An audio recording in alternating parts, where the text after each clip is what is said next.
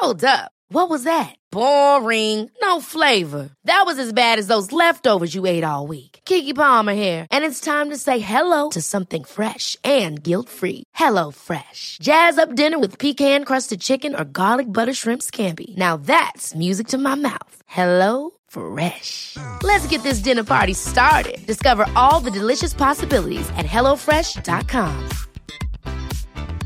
Mom deserves the best, and there's no better place to shop for Mother's Day than Whole Foods Market. They're your destination for unbeatable savings, from premium gifts to show-stopping flowers and irresistible desserts. Start by saving 33% with Prime on all body care and candles. Then get a 15-stem bunch of tulips for just $9.99 each with Prime. Round out Mom's menu with festive rosé, irresistible berry chantilly cake, and more special treats. Come celebrate Mother's Day at Whole Foods Market. I'm Sandra, and I'm just the professional your small business was looking for. But you didn't hire me because you didn't use LinkedIn jobs. LinkedIn has professionals you can't find anywhere else, including those who aren't actively looking for a new job but might be open to the perfect role, like me. In a given month, over 70% of LinkedIn users don't visit other leading job sites. So if you're not looking on LinkedIn, you'll miss out on great candidates like Sandra. Start hiring professionals like a professional. Post your free job on linkedin.com/people today. Hej och välkomna till detta 20 avsnitt av Skilsmässopodden. Tyvärr så är Marit sjuk idag och då får jag istället alldeles själv träffa professor Stefan Einhorn som förutom att han är överläkare vid Radiumhemmet också är författare. Och i höst så har han släppt en bok som heter Pappan. Det kommer han att berätta lite grann om lite senare. Men han får helt enkelt presentera sig själv här. Oj. Eh, jag är läkare. Eh, jag har hand om patienter med cancer. Jag är då professor vid Karolinska institutet men är eh, tjänstledig på deltid. Och eh, på min tjänstlediga tid så föreläser jag om relationer och skriver böcker om viktiga frågor. Just det. Ja, vi, vi, I det här ämnet så är det väldigt spännande att prata med dig för att vi, både jag och Marit har läst böcker av dig och tycker att du har liksom väldigt spännande tankar. Eh, kan du, din egen relationshistoria, eh, kan man dra den snabbt? Jag har varit gift sedan 1988 eh, med samma eh, person. Och vi har tre barn som numera är vuxna. Så att, och jag träffade alltså min fru när jag var 31 och ett halvt år ungefär. Så att jag har en relationshistoria eh, som sträcker sig eh, bakåt i tiden till ungdomsåren. Mm. Om jag tolkar relationshistoria rätt, vill säga. Ja, som säkert innehöll en del separationer också, för du är ju fortfarande gift efter många år, vilket kanske låter konstigt i Skilsmässopodden, men du har erfarenheter av separationer också. Ja, absolut. Jag, jag var i ett flertal ganska långa relationer innan jag gifte mig, så att eh, Eh, och ibland så gjorde jag slut och det var jobbigt och ibland så eh, var det de som gjorde slut och det var jobbigt. Mm. Det är alltid jobbigt att lämna. Ja, det är alltid jobbigt. Att det, ska, att det ska behöva vara så, men nu är det så. Livet är konstruerat. Ja. Det, för fråga, det här... Vi, din bok Konsten att vara snäll eh, handlar ju om naturligtvis om snällhet. Och när vi pratar om separation, när vi pratar om skilsmässa så kommer vi ofta till punkten att eh, hur kan man vara snäll? Eh, hur, hur tillämpar man begreppet snäll just vid en skilsmässa? Att man lämnar sin partner i första hand. Hur? Det är ju inte snällt. Ja, eh, ibland är det ju inte snällt att stanna i en eh, dålig relation. Eh, och man måste ju naturligtvis väga fördelar mot nackdelar. Och eh, både för en själv, ens partner, eh, eventuella barn. Och, eh, men det är förståeligt att människor skiljer sig för vi lever i ett samhälle där vi har så många valmöjligheter. Så var det ju inte förr i tiden. Då förväntades man förväntades det att man skulle stanna i en relation. Idag vi, har vi ett eh, helt annat eh, läge. Så att jag har stor förståelse för eh, skilsmässan som fenomen. Mm. Och jag, jag, jag tror det viktigaste är och det där snällheten kommer in. Att, speciellt om man har barn, att man uppehåller en bra relation till sin före detta partner. Det, det tror jag är ett absolut. För lyckas man inte med det, då, då tror jag barnen far illa. Och då, Mm. då far alla parter illa. Mm. Men, men hur ska man tänka? Alltså, om man, jag vet att när jag skilde mig så hade jag ju... En, ett motstånd var ju just att, att jag skulle såra min partner med det här. Den personen som jag hade älskat och lovat en massa saker. Ja, och det var väl en sund inställning. Att eh, man, man har gett en människa förtroende och den människan har gett en själv ett stort förtroende. Så det ska finnas ett eh, naturligt motstånd mot skilsmässa. Mm. Eh, tycker du att du väntade för länge? Både ja och nej faktiskt. Jag, jag, jag kan tycka i efterhand att jag borde ha dragit mig ur tidigare för att det gick igenom flera skeden där vi diskuterade och sen försökte, diskuterade och sen försökte och, och ja.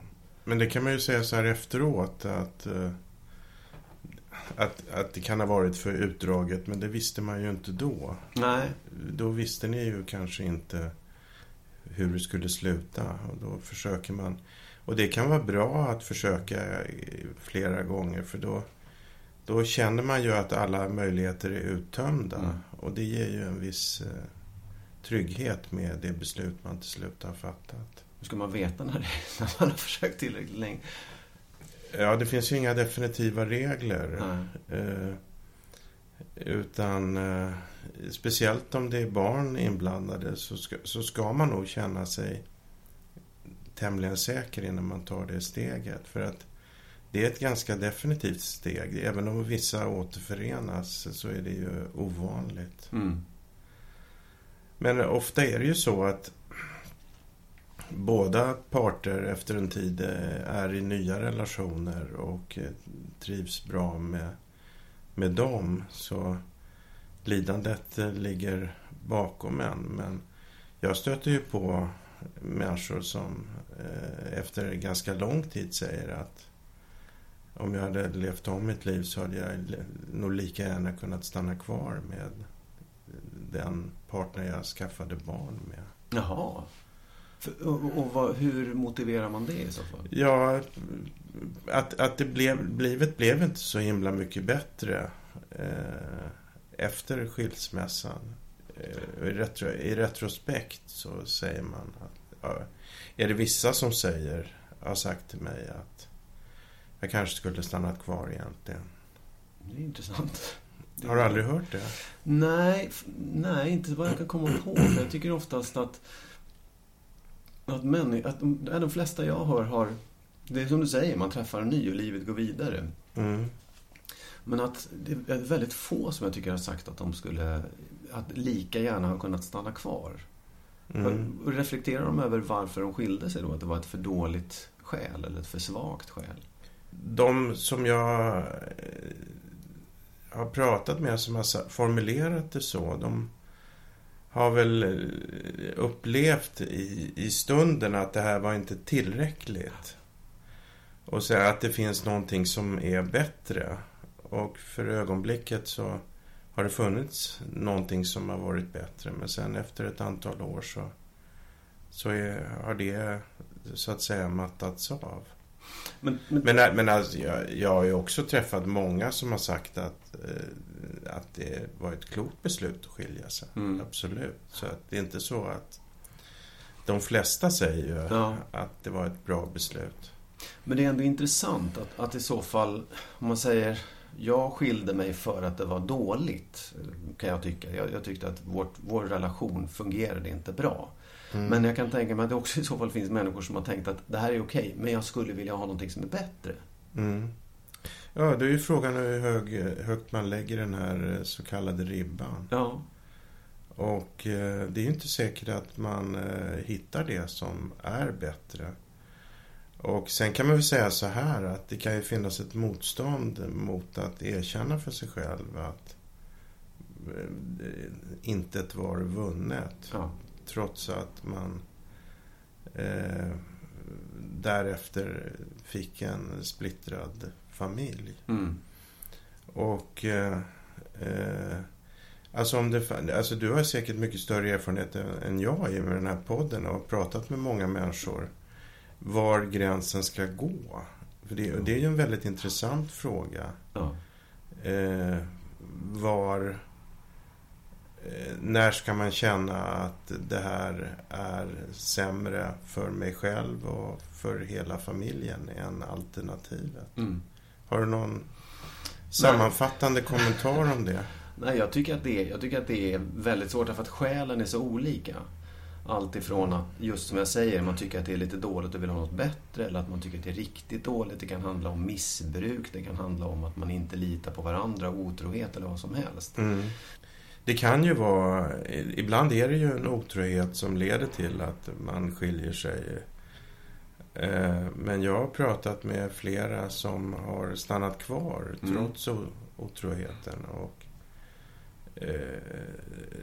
det har i sin tur lett till att relationen har faktiskt på sikt blivit bättre. Mm. Eh, För att de har stannat kvar och stått ut.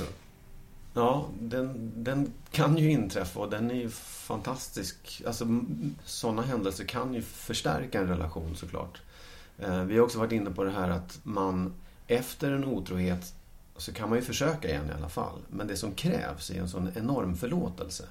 mm. Du måste ju verkligen förlåta det på riktigt så att det inte finns någon skuld kvar eller något som, som att, Mm. att spela tillbaka. Att man har någonting att betala igen för det misstaget man har begått.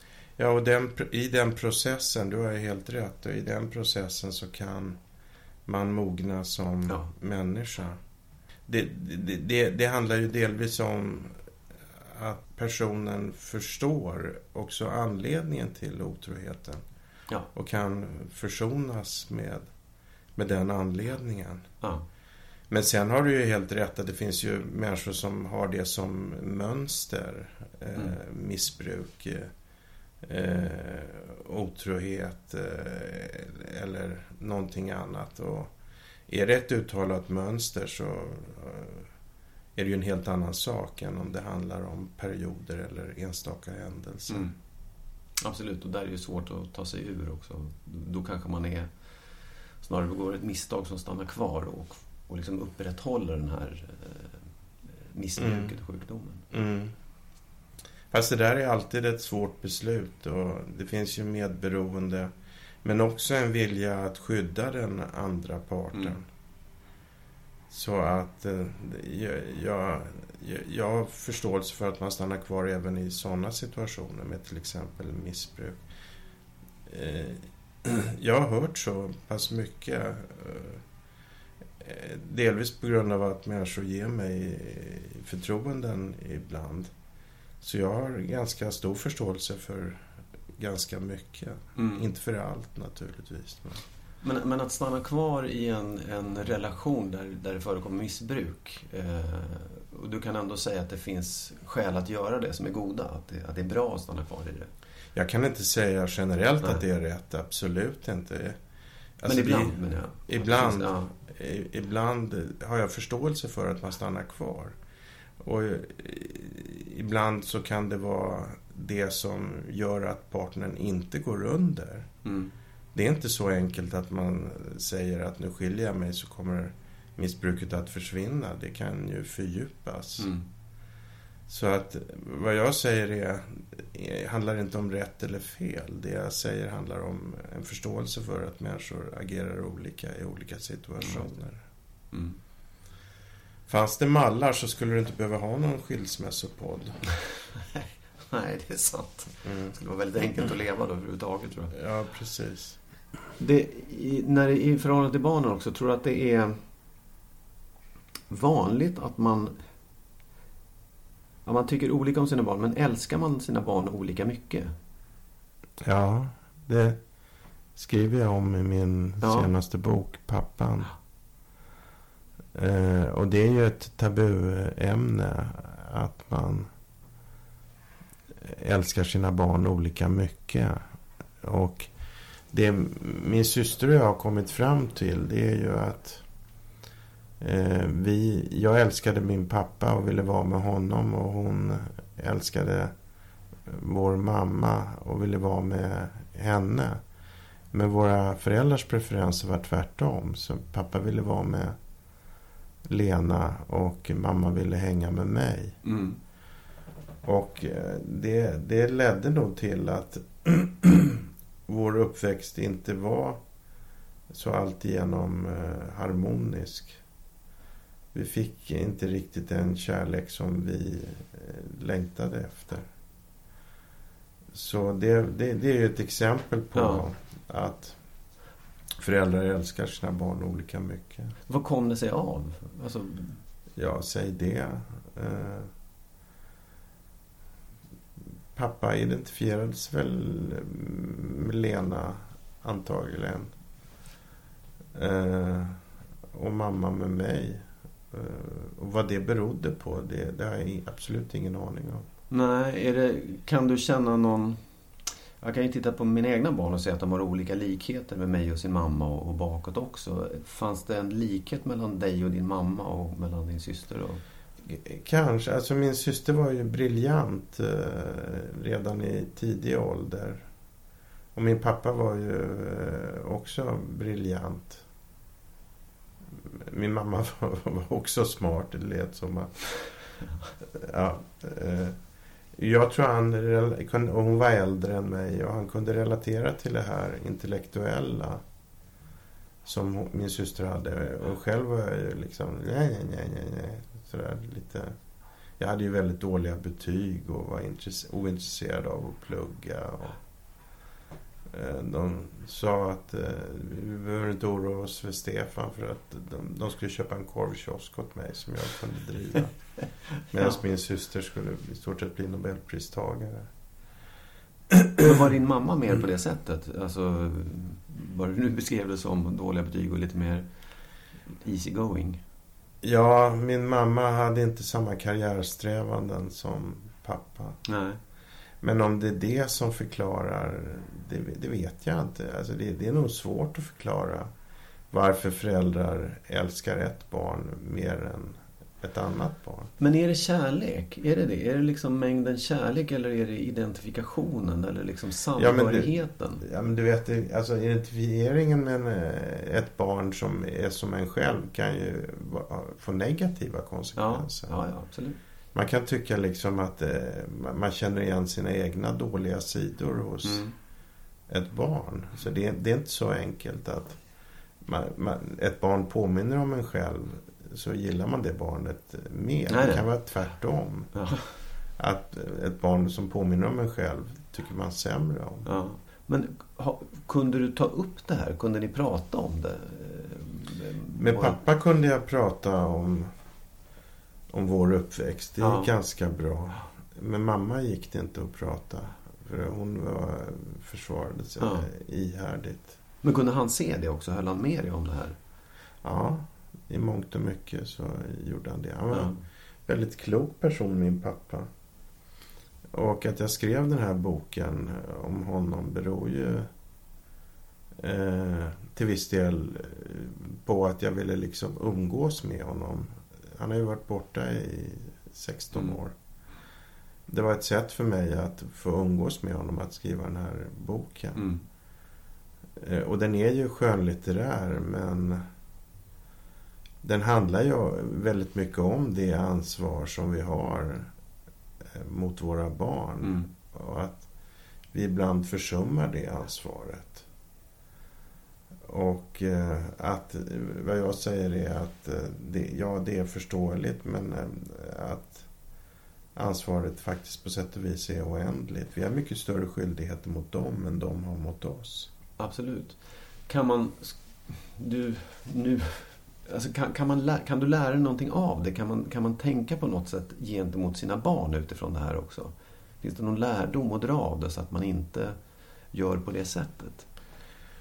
Nej, men vi lever ju i mångt och mycket i ett samhälle som uppmuntrar oss att vara oss själva nog.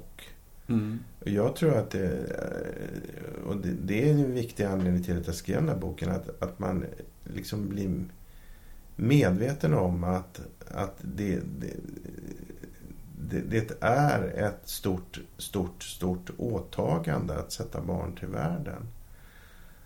Och eh, jag menar, ibland så blir, man, blir föräldrar och barn ovänner och umgås inte med varandra. Och då säger jag alltid till föräldrar att det är ditt ansvar att aldrig ge upp, att hela tiden söka kontakt med barnet.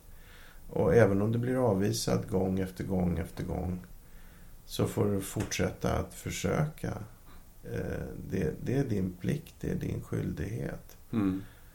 Eh, och eh, det är klart att barn har skyldigheter mot sina föräldrar.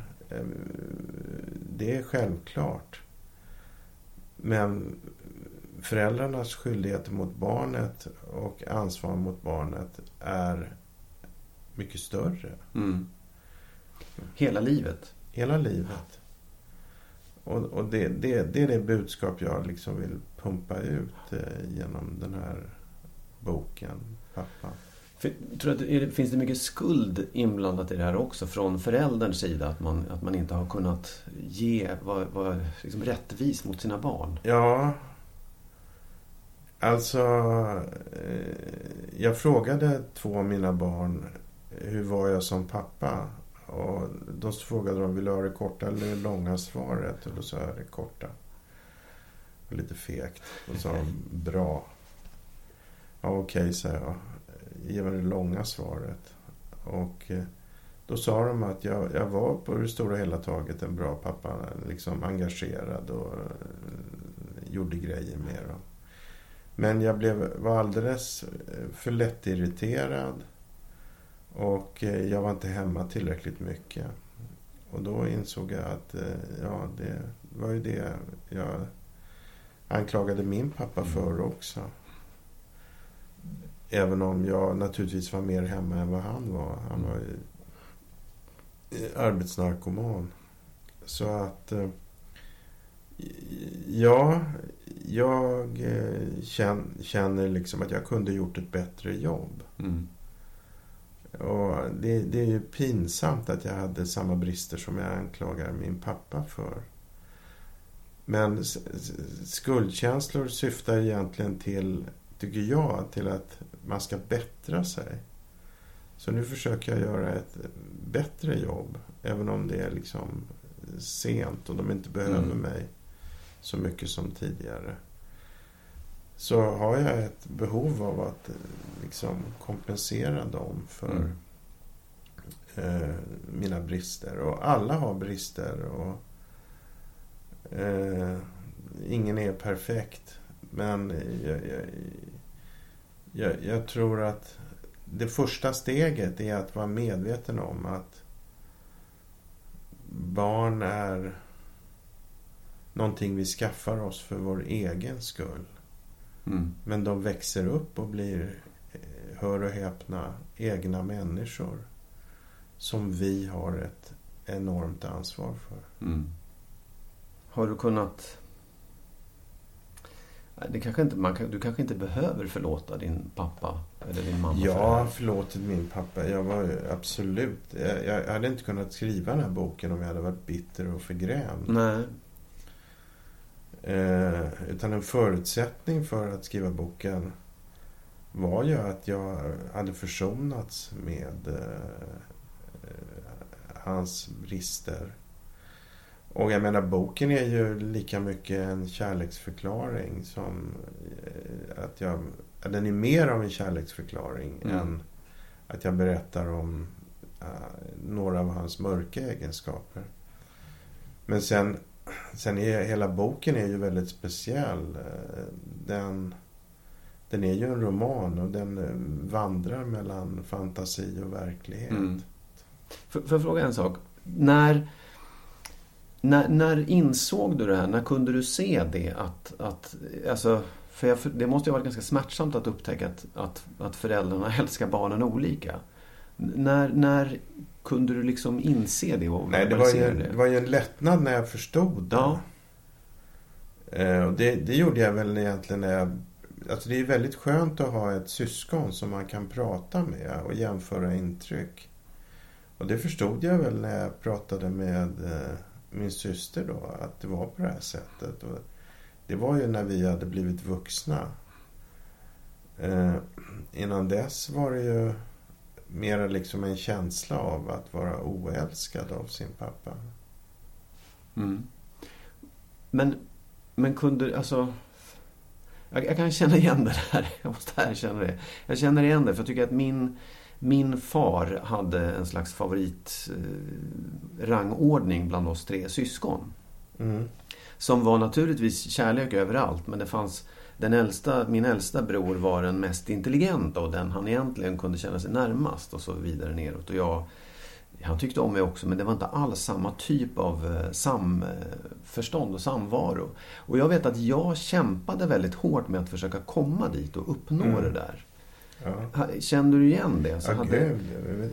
Jag har ägnat en stor del av mitt liv åt att eh, vandra i hans fotspår. Ja. Fram till 40-årsåldern så hade jag ju bara som målsättning att göra forskarkarriär. Och jag disputerade när jag var 24, jag blev docent när jag var 26, jag blev professor, överläkare och institutionschef när jag var 43. Mm. Men ungefär i den åldern så insåg jag att jag jagade fel mål. Jag jagade för att jag ville bli accepterad av min pappa. Jag jagade för att jag ville ha kontakt med min pappa. Mm. Och det var när jag, förstod, när jag förstod det som jag tog beslutet att eh, gå ner, att vara tjänstledig på deltid för att istället göra det som jag brann för och det var att skriva böcker och föreläsa och arbeta för, ja, för en bättre värld. Och hur reagerade han då på det? Ja, han, han kunde ta det. Alltså min pappa hade inget behov av att förverkliga sig själv genom sina barn. Eh, så han kunde ta det. Och han fick ju bara uppleva min första bok då. Mm. Men han stöttade mig i det projektet. Och, eh, och när han dog så var jag ju institutionschef. Mm. Så jag hade ju inte liksom... Sen avgick jag ju ett par år senare och tog tjänstledigt och allt det där. Då var han redan borta. Eh, hur han hade upplevt att jag ändrade karriär, det vet jag faktiskt inte. Men jag tror att han hade tagit det med jämnmod. Mm. Och sagt att så länge du är lycklig så är jag glad. Mm. Och, och, fanns det när... För du har pratat med honom om att du upplevde liksom skillnaden i kärlek till din syster och dig. Vad, vad hade han att säga om det? Nej, jag har nog inte formulerat frågan på det sättet. Nej. nej. Jag, nej, jag menar att jag kunde prata med honom om om våran uppväxt och om mycket men han skulle nog inte ha kunnat erkänna att Nej. Att, att han älskade min syster mer än han älskade mig. Nej. Jag menar, det är ungefär som om, jag vet inte, hur många barn har du? Två. Två, mm. ja. Om något av dina barn eh, skulle komma och säga, fråga dig. Är det så att du älskar det andra syskonet mer? Men du skulle ju aldrig, om det nu var så, berätta det. Och det bör du aldrig berätta. Nej, nej precis. Uh...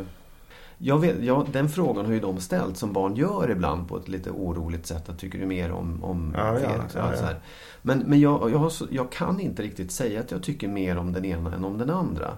Däremot så kan det ju upplevas av dem på det sättet. För att jag kan ha ett större fokus på den ena eller på den andra. Ja, men naturligtvis är det på det sättet att man, man kan älska sina barn lika mycket. Ja. Vad jag säger är att man kan också älska sina barn olika mycket. Ja finns alla varianter. Ja. Men att det är tabu. Så att, men jag tycker att det ska vara så att eh, föräldrar inför sina barn eh, inte ska liksom besvara den frågan om det är en skillnad. Nej. Det finns ett skäl till att det är ett tabuämne. Men Ja. vi kan ju prata om det och jag har skrivit om det i den här boken. För att det kan vara en lättnad att känna igen sig i att eh, så är det för andra människor också. Ja. Nej, men jag tänker också på, jag har jobbat som lärare och när jag har varit eh, chef så har jag också haft... Man känner att i skolan till exempel att elever är väldigt duktiga och får kanske inte uppmärksamhet av det skälet för att man fokuserar på de som har ett större behov. Och att man som förälder, eh, det här är bara en rent hypotetisk fråga, är det så att man, är det så att det är också i hur barnen upplever sina föräldrar kanske är, är mer relevant än vad föräldrarna egentligen känner? Förstår du, kan det vara så att föräldrarna faktiskt uppmärksammade, din pappa uppmärksammade din syster, inte av, för att han älskade henne mer utan för att han tyckte att hon hade ett större behov av honom? Nej, men så tror jag inte det var. Nej.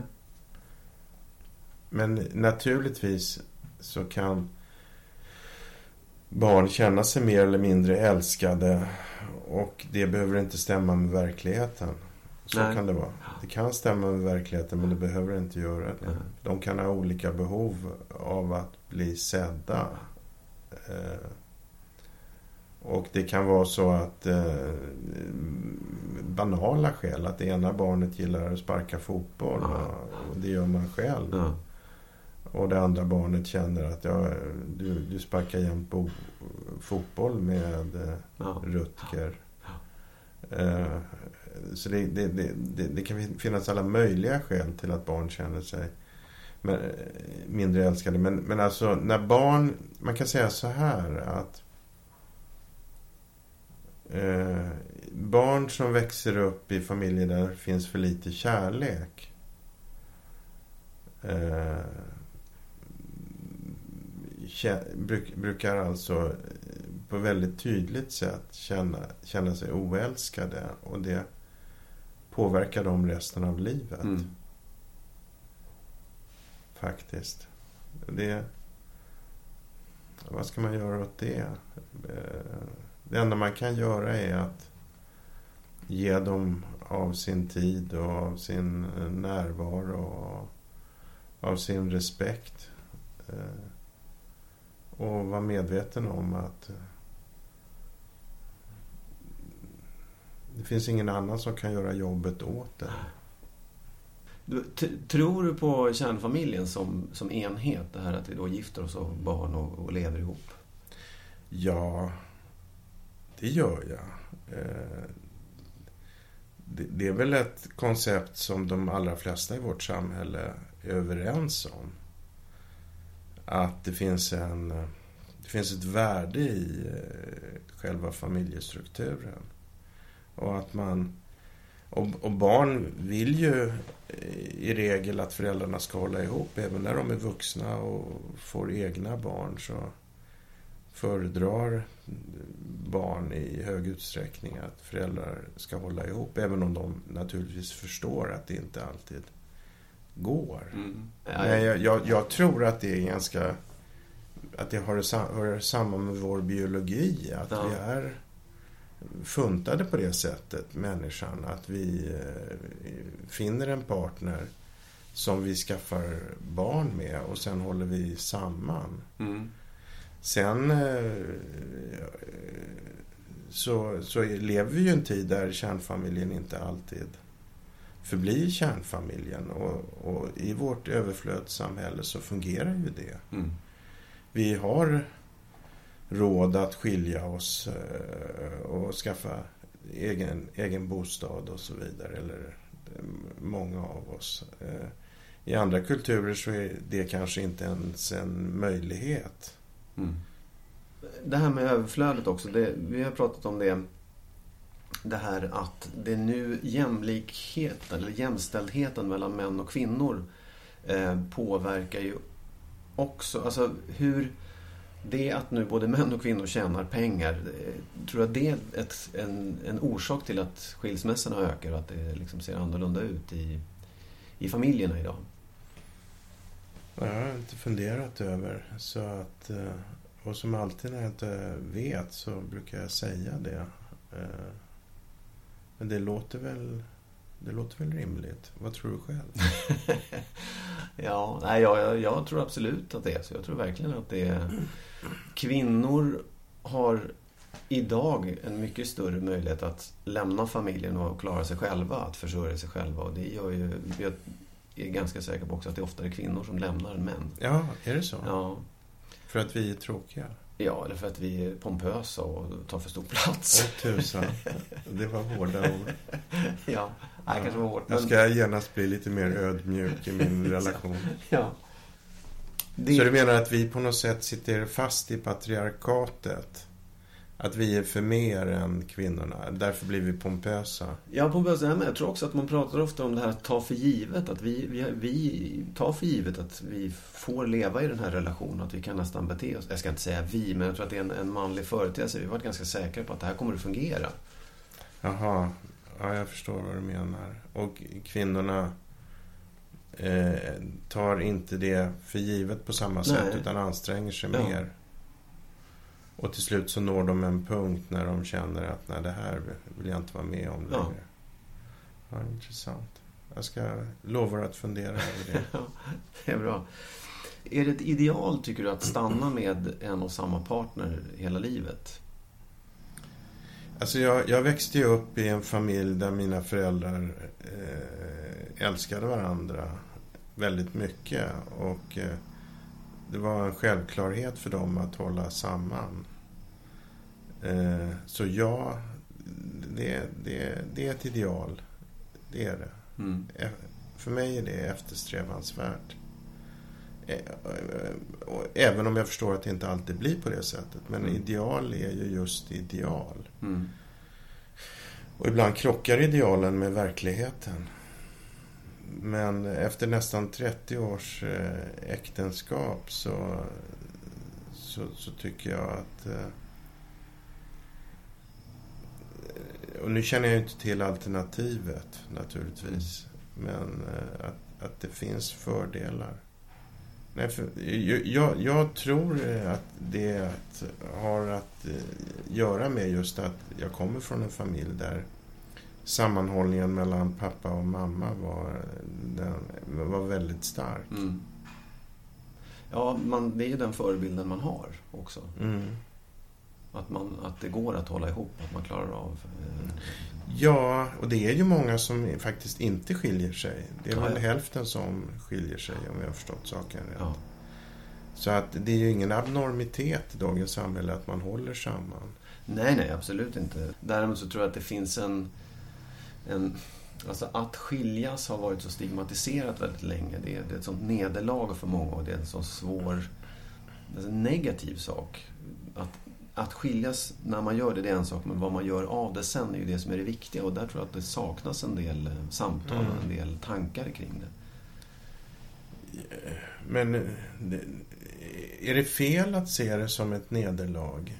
Eh, ett nederlag som i och för sig kan leda fram till någonting gott. Men syftet med en, eh, ett partnerskap där man skaffar barn är väl, är väl ändå att man ska hålla samman? Ja, jag tycker ju det. Ja.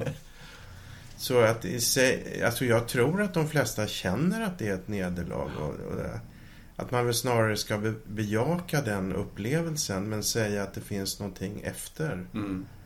det här nederlaget som kan vara väldigt bra. Mm. Alltså vi har ju alltid, vi började med frågan om det är ett misslyckande att skiljas. Och jag kan ju tycka att i ett visst avseende så är det ett misslyckande för att det är ett nederlag, precis som du säger jag hade föresatt mig att göra, att leva på ett annat sätt. Att jag skulle leva med min fru hela livet. Men det gick inte. Mm. Men, men att då det här, det här misslyckandet eller nederlaget lärde mig någonting Just det. vidare. Och det, det, det är ju... Ja, jag tror att det, det, det, kan vara en fara om man liksom gör, gör det till någonting lättvindigt. Äh, det är ingen nederlag, det är inget misslyckande. Det är, liksom, det är bara att hoppa vidare mm. till nästa isflak. Mm. Ja, det var ingen bra analogi. du förstår vad jag menar. ja, absolut. Eh, utan man ska ju bejaka den upplevelse som människor har. Och det är nog att man inte har lyckats med sina föresatser. Ja. Och att man däremot ska förlåta sig för det misslyckandet och lära sig någonting, gå vidare. Ja. Ready to pop the question? The jewelers at BlueNile.com have got sparkle down to a science with beautiful lab-grown diamonds worthy of your most brilliant moments. Their lab-grown diamonds are independently graded and guaranteed identical to natural diamonds, and they're ready to ship to your door. Go to BlueNile.com and use promo code LISTEN to get $50 off your purchase of $500 or more. That's code LISTEN at BlueNile.com for $50 off. BlueNile.com code LISTEN. Many of us have those stubborn pounds that seem impossible to lose, no matter how good we eat or how hard we work out. My solution is PlushCare. PlushCare is a leading telehealth provider with doctors who are there for you day and night to partner with you in your weight loss journey. They can prescribe FDA-approved weight loss medications like Wagovi and Zepbound for those who qualify. Plus, they accept most insurance plans. To get started, visit plushcare.com slash weight loss. That's plushcare.com slash weight loss. Hold up. What was that? Boring. No flavor. That was as bad as those leftovers you ate all week. Kiki Palmer here, and it's time to say hello to something fresh and guilt-free. Hello Fresh. Jazz up dinner with pecan-crusted chicken or garlic butter shrimp scampi. Now that's music to my mouth. Hello Fresh. Let's get this dinner party started. Discover all the delicious possibilities at hellofresh.com. Det låter väl bra mycket bättre. Ja. Är det... Ja, på, på snällhet, men är det, är det egoistiskt att skilja sig? Ibland är det egoistiskt eh, att skilja sig. Ibland är det eh, en insikt om att eh, familjen inte gynnas av att man håller samman. Men egoist, alltså, jag brukar säga att de flesta av våra handlingar är på det ena eller andra sättet egoistiska. Till och med att vi skaffar barn är ju en egoistisk handling. Det är ju inga barn som har bett om att få bli födda. Eh, men visst kan, visst kan det vara på det sättet att, eh, att man eh, i allt för hög utsträckning bortser ifrån de andra parterna i familjen. Visst kan det hända. Och är för egoistisk? Eller, ja. Ja, att man gör det lätt för sig själv. Ja. Jag menar, det finns ju föräldrar och det är väl oftast pappor som lämnar fa- familjen och sen eh, har väldigt lite kontakt med sina barn. Mm. Och det har jag en mycket begränsad förståelse för. Eh, om, om det nu inte är en, en djup konflikt där de har problem med att få träffa barnen. Men eh, att de helt enkelt eh, mer eller mindre struntar i barnen. Mm. Och, och det, det är ju... Det, det är ju en väldigt självcentrerad eh, Mm. eh, bild av verkligheten när man fattar det beslutet. Jag menar att sätter man barn till världen så har man ett enormt ansvar för dem. Det, det är väl det största ansvaret vi har här på vår jord. Mm. Att ta hand om vår avkomma som vi har skaffat oss av egoistiska skäl.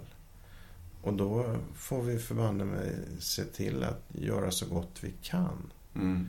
Sen, sen är ingen perfekt och vi kan misslyckas men då får man ta nya tag och det ansvaret eh, försvinner inte förrän vi dör. Mm. Vi, vi, vi har skaffat oss eh, en eh, kärlek för livet.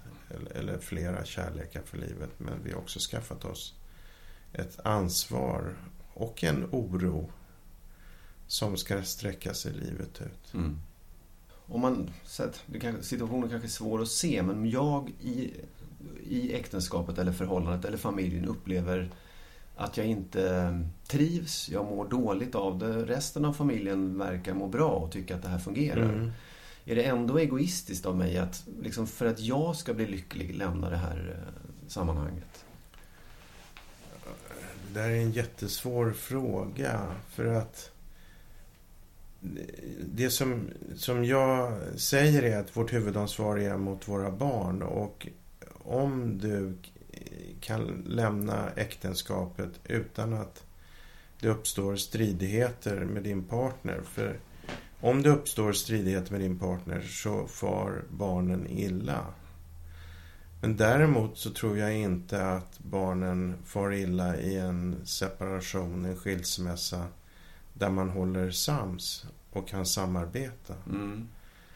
Så jag skulle säga så här att om, om du kan förutse att det kommer att bli en så kallad blodig skilsmässa där barnen far illa så ska man nog fundera ett par varv Mm. till.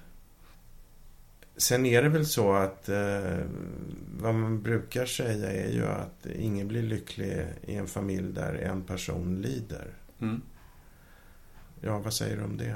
Ja, ja, det var det som var min fråga. För att, eller det är lite grann det jag menar också. Att jag, i en blodig, om jag ser en blodig skilsmässa framför mig, då kan jag också tycka att då är förhållandet ganska dåligt i grunden. Ja, Och då, då i så fall så stannar jag ju kvar i den här potentiellt blodiga situationen bara för mina barns skull och mår förmodligen sämre och sämre. och då är det rätt att skilja sig? Ja, jag vet inte. Nej, jag vet Jag inte heller. Jag, Ja, det kan jag tycka. Jag kan tycka det, ja. Nej. Därför att jag Ja. tror att det, sen är det ju upp till mig att hantera den här blodiga situationen på ett så bra sätt som möjligt för mina barn. Ja, men jag tror inte att det nödvändigtvis behöver vara på det sättet att, att relationen blir, är dålig för att skilsmässan kommer att bli blodig. Nej. För eh, vissa partners eh, blir nästan djuriska i sitt beteende när de blir svikna. Mm. Men kan vara älskansvärda individer så länge de inte känner sig svikna. Det förekommer det också. Ja. Men det, är ändå, det blir ändå ett hot med det. Därför att jag vill lämna den här relationen. Men jag gör det inte eftersom jag vet om jag gör det så kommer den här personen Ja, jag, jag liksom. tycker det här är jättesvårt. Alltså, du har ställt en väldigt bra fråga. I det ena fallet eh, så kanske man ska härda ut och i det andra fallet så ska man fullfölja det. Men om, alltså spärren mot att lämna en människa om man tror att det blir en blodig skilsmässa menar jag ska vara betydligt större. För jag, jag tror det är svårt att vara en lycklig människa om ens barn inte är lyckliga. Absolut. Visst är det så. Men då är nästa fråga, blir barnen lyckliga om du inte är lycklig själv?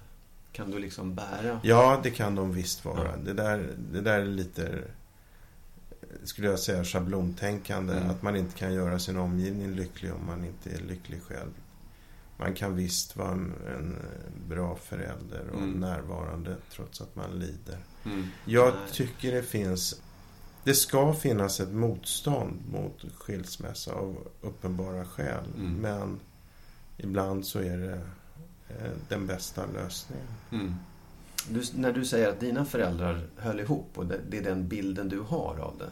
Mm. Eh, ett, ett fungerande äktenskap som, som man eh, säga, klarar av. Om, om situationen inte är sån, om vi nu tar det här att jag vill lämna det här äktenskapet, det finns ingen riktig kärlek mellan mig och min partner. Hur blir förebilden för barnen då? Alltså, vad, vad är det de ser? Ja, Ja, men, men alltså barn som lever i en kärnfamilj där det inte finns kärlek mellan föräldrarna. De märker ju det. Mm. Det är ju inte heller en optimal situation. Så, så det, det, det beror ju på, det, det kan, kanske kärleken har slocknat men respekten finns kvar, partnerskapet finns kvar. Eh, sexualiteten finns kvar. Men det finns, det finns ju en annan aspekt och det är ju när någon kärar ner sig i en annan person Mm. och upplever att man kan inte... eh, Att, att det, det är någonting man måste fullfölja. Eh, Och där, där har jag pratat med flera personer som säger att liksom det är hemskt men jag, jag, jag, måste lämna min familj för den här andra parten, partnern. Mm. Och det, det, jag kan förstå det också. Jag kan förstå att man inte är villig att offra sin egen lycka och sin egen, mm. sina egna känslor för, för familjens skull. Men det, det är ändå för det, det är ju faktiskt kanske det vi pratar om. Vilket offer ska man behöva göra för, och det är egentligen för sina barns skull i första hand man gör det i så fall. Alltså offra antingen att man har blivit förälskad i någon annan eller att man inte trivs eller vad som helst. Ja.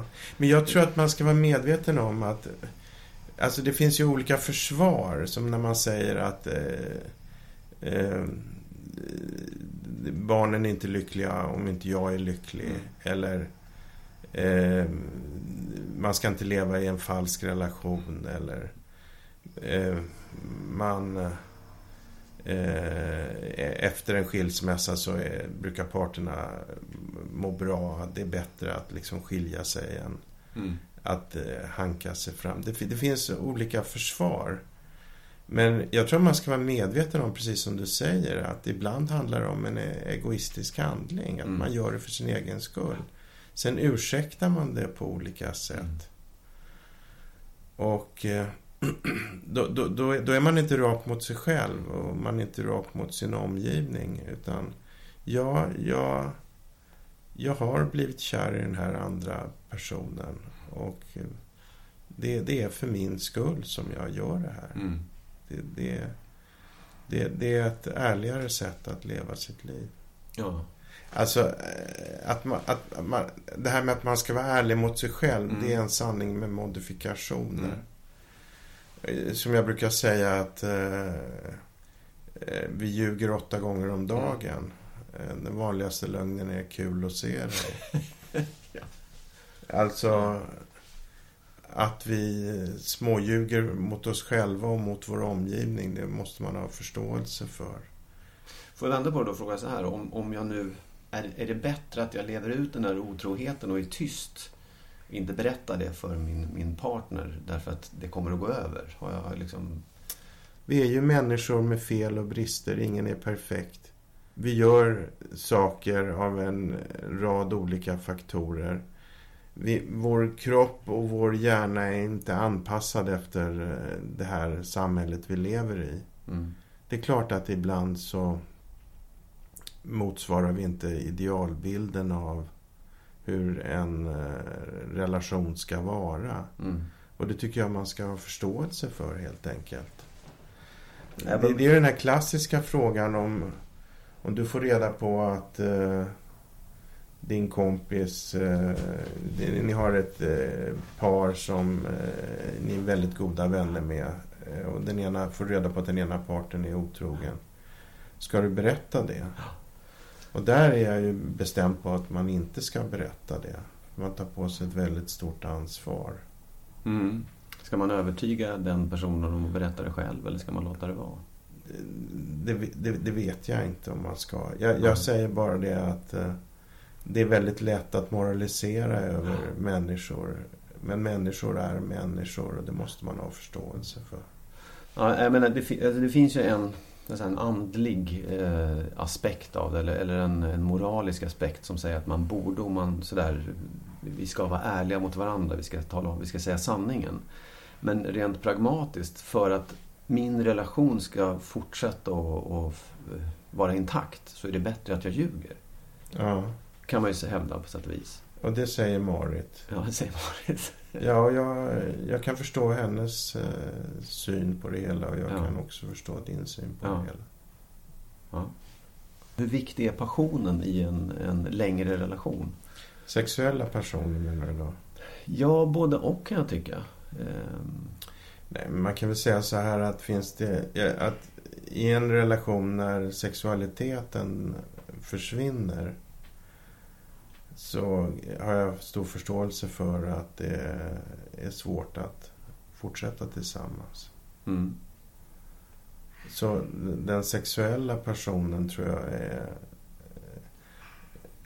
Eller attraktionen tror jag är en väldigt viktig faktor. Eh, däremot den här förälskelsepassionen, det, det är ju välkänt att eh, förälskelse är ju någon form av psykos. Ja. Alltså, som jag själv har upplevt naturligtvis. Men eh, det är ju kemi kemikalier i hjärnan och, och, den går i regel eh, över och, och, och, i bästa fall övergår den i en kärlek till den andra. Att man älskar varandra. Så svaret skulle jag säga är att eh, den förälskelsepassionen den kan få gå över men den sexuella passionen eh, ska man nog kämpa för att den ska leva vidare. Mm. Och de kan funka utan varandra menar du? Det? Ja, ja. absolut. Vi, många beskriver ett äktenskap eller ett förhållande där de känner att, att det, det, det är över, det, kärleken är borta och de, de skulle vilja lämna relationen.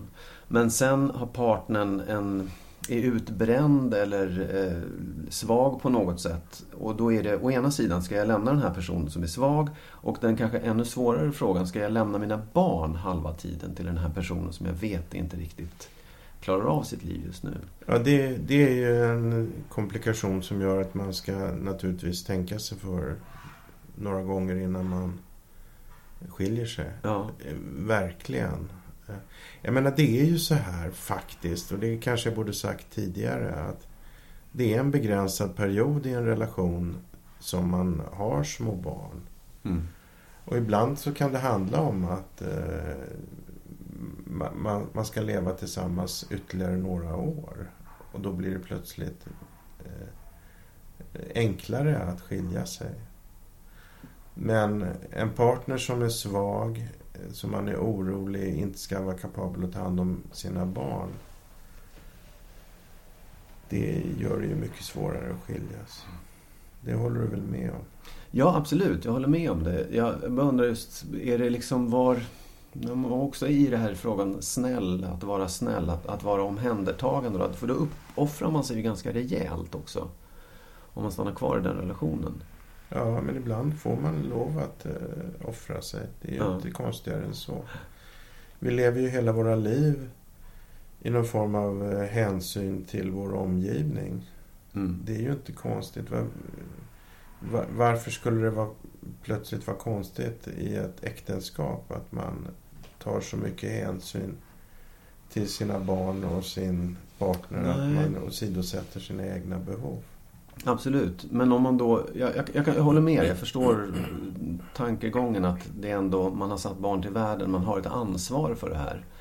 Men hur kan man förklara då för sin partner att jag är, tyvärr så är glöden inte riktigt här nu. Jag, jag, jag, jag gör det här för din skull.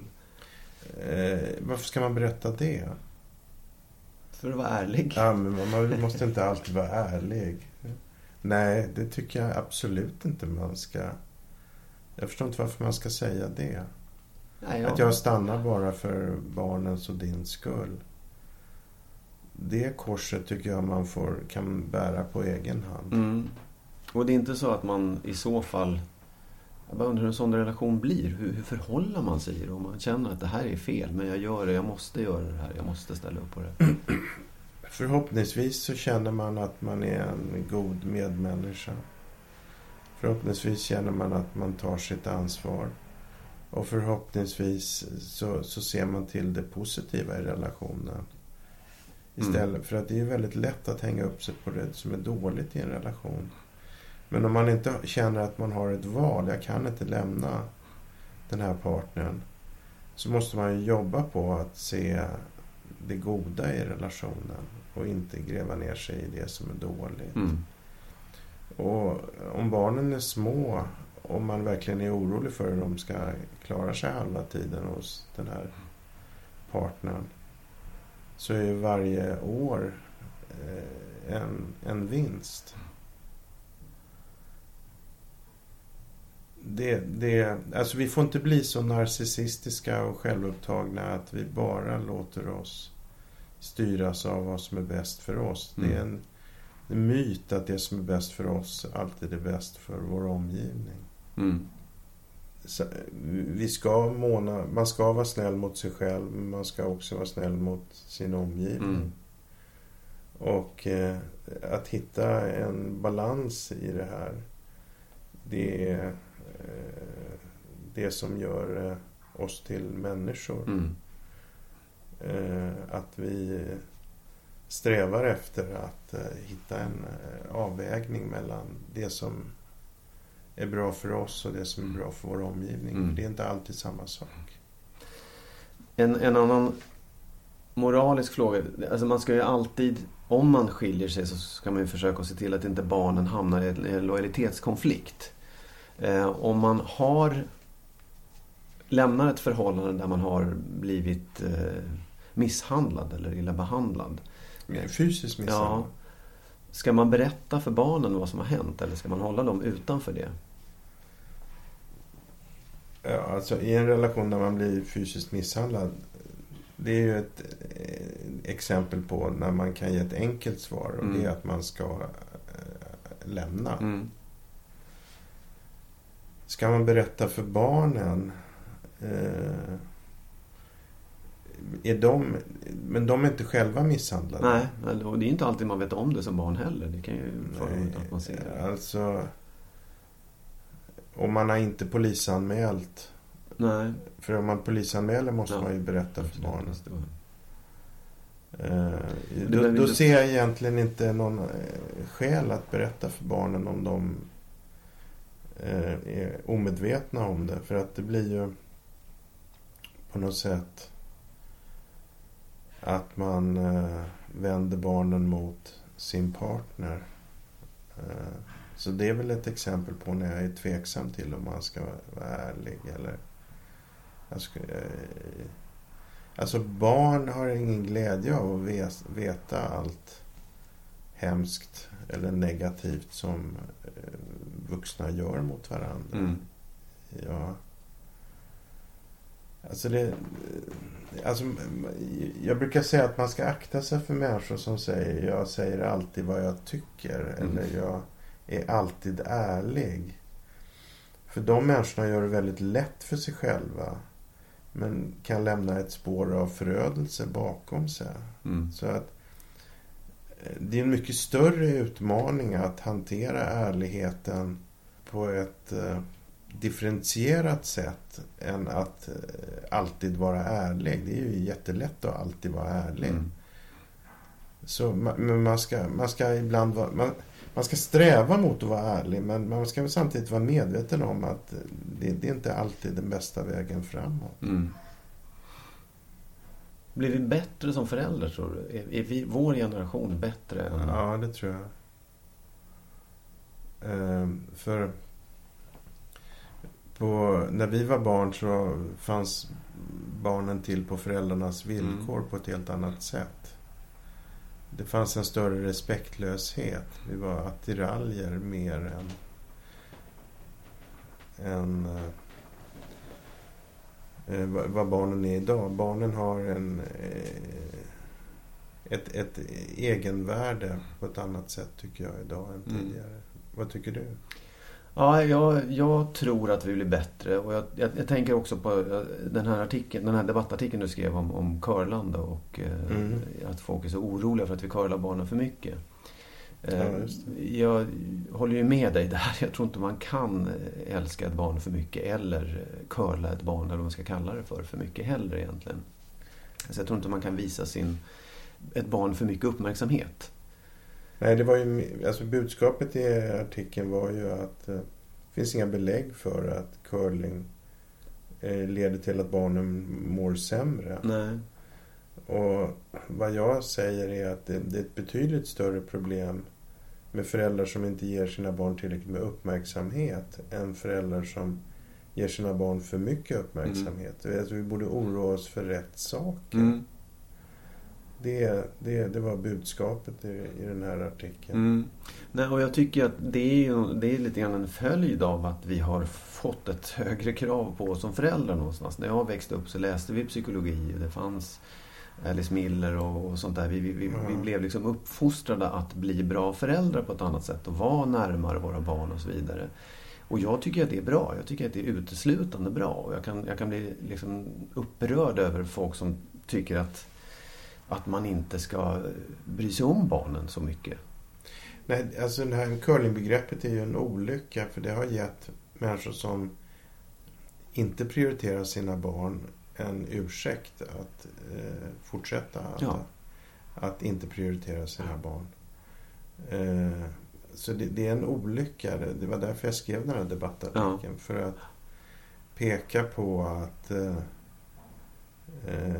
det, det faktiskt inte finns några data som, som säger att barnen blir missfoster. Och det finns eh, mycket som talar för att negligerade barn mår dåligt. Så liksom, låt oss inte blanda bort korten. Nej. Några snabbfrågor då. Ja, Eh, tror du att kärnfamiljen finns kvar om 50 år? ja jag tror att det, är en, eh, att det finns en hel del biologi i att vi har kärnfamiljer. Mm. Är du bra på att jobba med förhållandet? Att liksom eh, hålla det vid liv och köpa presenter och sånt där? Eller uppmärksamma bara? Eh, det får du fråga min fru. Eh, kan man leva ihop med någon utan att vara kär? Ja, det är klart man kan. Ja. Man kan leva ihop som partners. Ja, man kan är känna en, familj, liksom. en kärlek och en innerlig vänskap. Eh, alltså kär för mig är när det pirrar i kroppen. Mm. Eh, så absolut att man kan. Om du skulle ge ett råd till den som vill skilja sig eller har skilt sig, vilket är det viktigaste rådet tycker du? Lyssna på Skilsmässopodden. ja. Hanterar du mycket skuld? Om jag hanterar mycket skuld Mm. eller om jag har mycket skuld? Ja, har du, håller, brottas du mycket med det? Eh, nej, jag brukar försöka använda skuldkänslor till att göra något konstruktivt.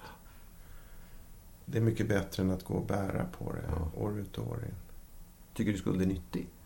Ja, om man gör någonting bra av det. Mm. Men att gå omkring och ha skuldkänslor, det, det gör ingen människa glad. Om man inte gör någonting av dem. Mm. Vad är det viktigaste att tänka på för barnens skull om man nu ändå står vid skilsmässan? Att hålla sams. Att göra det så bra som möjligt för, att, för barnen. Och i regel eh, räcker det med att den ena parten är klok. Så att om den andra, om den andra blir urförbannad och eh, ställer orimliga krav och, och sabbar för en. Om den ena parten, den andra parten håller sig lugn och hela tiden strävar efter samarbete så brukar det väldigt ofta lösa sig. Det kan ta lite tid. Men det, det brukar gå. Men om man går i clinch med den andra då har man två parter som eh, gör livet surt för varandra och då råkar barnen riktigt illa ut. Tack så hemskt mycket. Det var ett långt och intensivt samtal, men tack så hemskt mycket. Ja, tack själv. Det var roligt att prata om de här sakerna. Eh, och jag har fått mig en del tankeställare. Kanske kan återkomma om, en, om ett tag. Ja, jag kan åter... Nästa gång Ever catch yourself eating the same flavorless dinner three days in a row? Dreaming of something better? Well, hello fresh is your guilt-free dream come true, baby. It's me, Kiki Palmer. Let's wake up those taste buds with hot, juicy pecan-crusted chicken or garlic butter shrimp scampi. Mm. Hello Fresh. Stop dreaming of all the delicious possibilities and dig in at HelloFresh.com. Let's get this dinner party started.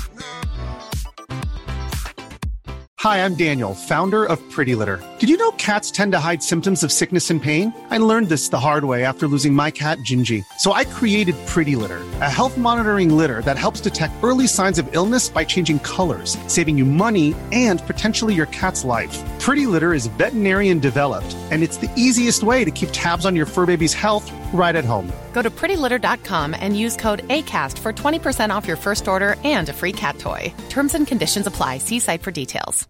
Imagine the softest sheets you've ever felt. Now imagine them getting even softer over time. That's what you'll feel with Bowl and Branch's organic cotton sheets. In a recent customer survey, 96% replied that Bowl and Branch sheets get softer with every wash. Start getting your best night's sleep in these sheets that get softer and softer for years to come. Try their sheets with a 30-night guarantee. Plus, get 15% off your first order at bowlandbranch.com. Code BUTTERY. Exclusions apply. See site for details.